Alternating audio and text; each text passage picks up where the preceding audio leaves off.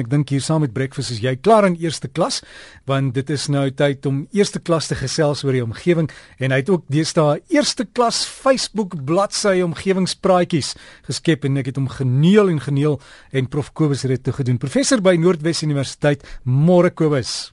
Goeiemôre Derrick, môre al ons omgewingsvriende. Ja, nee, die moderne lewenswyse is baie gerieflik en gemaklik. Want as dit donker word, dan skakel ons blote lig aan. En dis net te sê as ons nie beerdkrag het nie en as ons dors is, dan draai ons maar net 'n kraan oop en ons koop ons voedsel in supermarkte.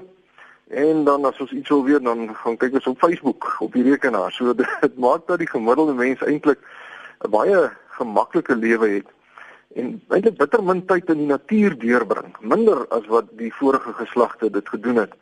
En dit maak dat ons op 'n manier half afgestomp raak vir die wonderlikheid van die skepping.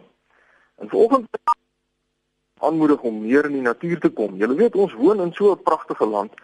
En selfs in die winter hier op die Hoëveld, met ons yskoue oggende en die ryp krakend onder jou voete, is dit 'n voorreg om buite te kan wees. En as mens net so rukkie aktief is, dan is dit glad nie eers meer koud nie en die res van die dag is sommer baie lekkerder. En een manier om nader aan die natuur te kom is by om 'n uh, organi uh, om by 'n organisasie uh soos die parkrun aan te sluit. Nou uh, ek het ek en my vrou het so omtrent 'n paar maande gelede begin met die ding. Dis absoluut gratis en elke Saterdagoggend om 8:00 die oggend kom daar ongeveer 145 000 mense op 58 plekke in Suid-Afrika bymekaar om 5 km in die natuur te draf of te stap. Party mense bring hulle honde saam en ander stap die 5 km met babatjies op die rug of 'n klomp kleuters al om die voete. Uh dit is te heerlik. Die roetes van die parkruns is so gekies dat dit die mooiste dele van elke dorp of stad benut. Met ander woorde, mens draf of of stap op voetpaadjies deur woude of langs kabbelende stroompies. En dit is net baie gesond om 'n bietjie oefening te kry nie, maar mens doen jou bietjie oefening naby aan die natuur en mens hoor die pragtige geluid van die voëls in die bome. Mens hoor die water oor die klippe raas en mens ruik die vars skoon lug en mens voel self binne in die besigste stad asof jy die voorreg het om 'n kort vakansietjie in 'n pragtige natuurreservaat deur te bring. Nou hier in Potchefstroom probeer ek en my vrou om dit elke Saterdagoggend te doen en as dit koud is dan trek mens maar net bietjie warmer aan. Maar as mens eers begin met die roetetjie en jy voel die warm vroegoggend sonnetjie op jou lyf, dan besef ons hoe bevoorreg ons is om die paar minute naby aan die natuur te kan deurbring en hoeveel armer ons lewens sou gewees het as ons nie as ons nou eerder in die bed bly lê het op Saterdagoggende. Jy weet hierdie ons word almal ouer en hoe ouer ek word, hoe vinniger begin dinge afdraande gaan. En as jy nie hierdie tipe goed doen terwyl jy nog kan nie, dan gaan jy waarskynlik die dag as jy dit nie meer kan doen nie wens dat jy maar die geleenthede aangegryp het toe dit nog moontlik was. So ek wil graag vir oggend al ons omgewingsvriende aanmoedig om op te staan en te gaan deelneem aan die parkrand. Jy hoef nie fiks te wees nie, jy hoef nie jonk te wees nie en dit is gratis. En as jou dorp nie 'n parkrun het nie, waarom bied jy nie aan om daarmee te begin nie? Ek het die parkrun se besonderhede op die Facebook bladsy geplaas. So soek maar net na omgewingspraatjies se Facebook bladsy en u sal al die besonderhede daar kry. En uh, dit is ook as mense op vakansie gaan, dan kan jy op ander dorpe gaan deelneem. En die roetes, soos ek gesê het, is by die mooiste dele van 'n plek wat jy andersins nooit sou gesien het nie. En dan ek terwyl die nagte nog maar 'n bietjie koud is, wil ek graag 'n bietjie gesels oor plafonisolering.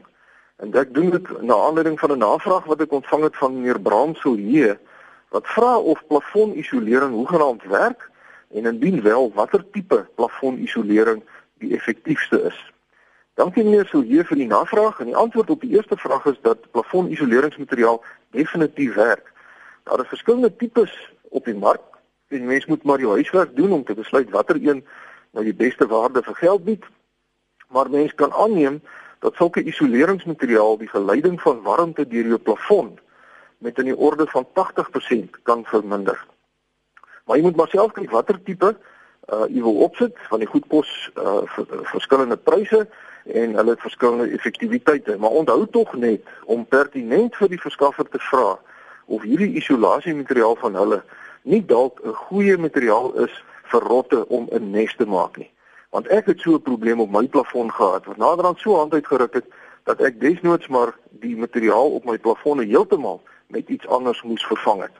So as ek u is, sal ek aandring daarop dat indien 'n vervaardiger sê dat hulle materiaal rotte afskrik, dat hulle vir u 'n skriftelike waarborg gee dat hulle hul produk op hul eie koste van u plafon af sal kom verwyder indien 'n klomp rotte hulle self kom tuismaak op u plafon.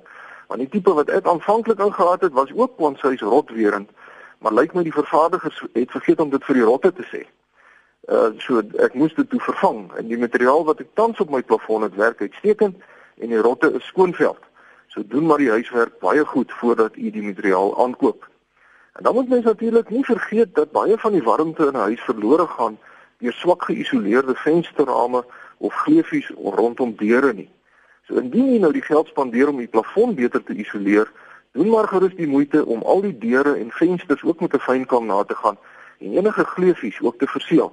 En hierdie rubberstroke wat mens kan plak, wat mens by winkels wat motoronderdele verkoop kan kry, hulle werk baie goed daarvoor of dan doodgewone silikon wat mense in dun laagies kan aanwend.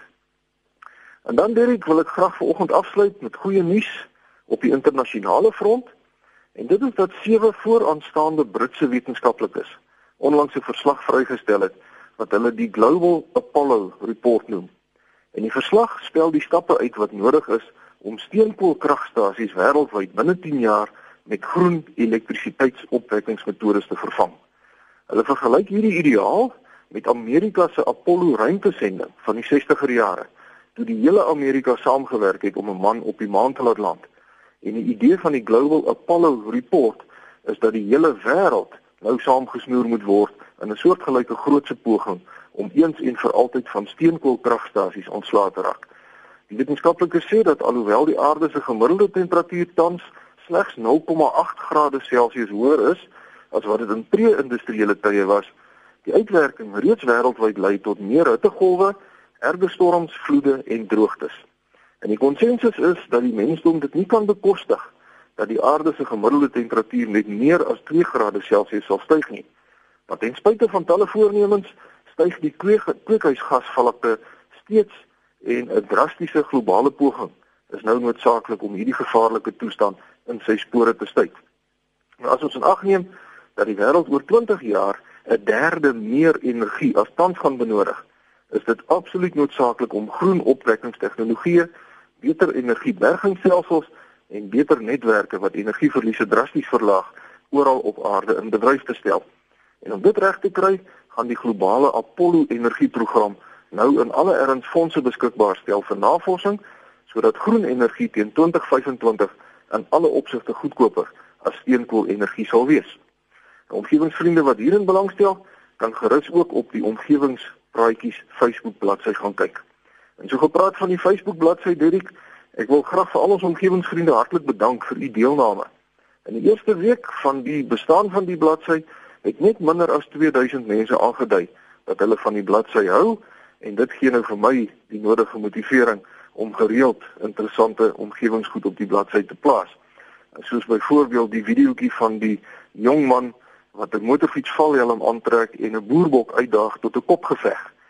Ek het dit opgesit om vir ons omgewingsvriende te wys die les wat ons daaruit kan leer dat jy moet nie die omgewing uitdaag as jy nie baie seker van jou saak is nie want dit kan net gebeur dat jy op jou blaker land.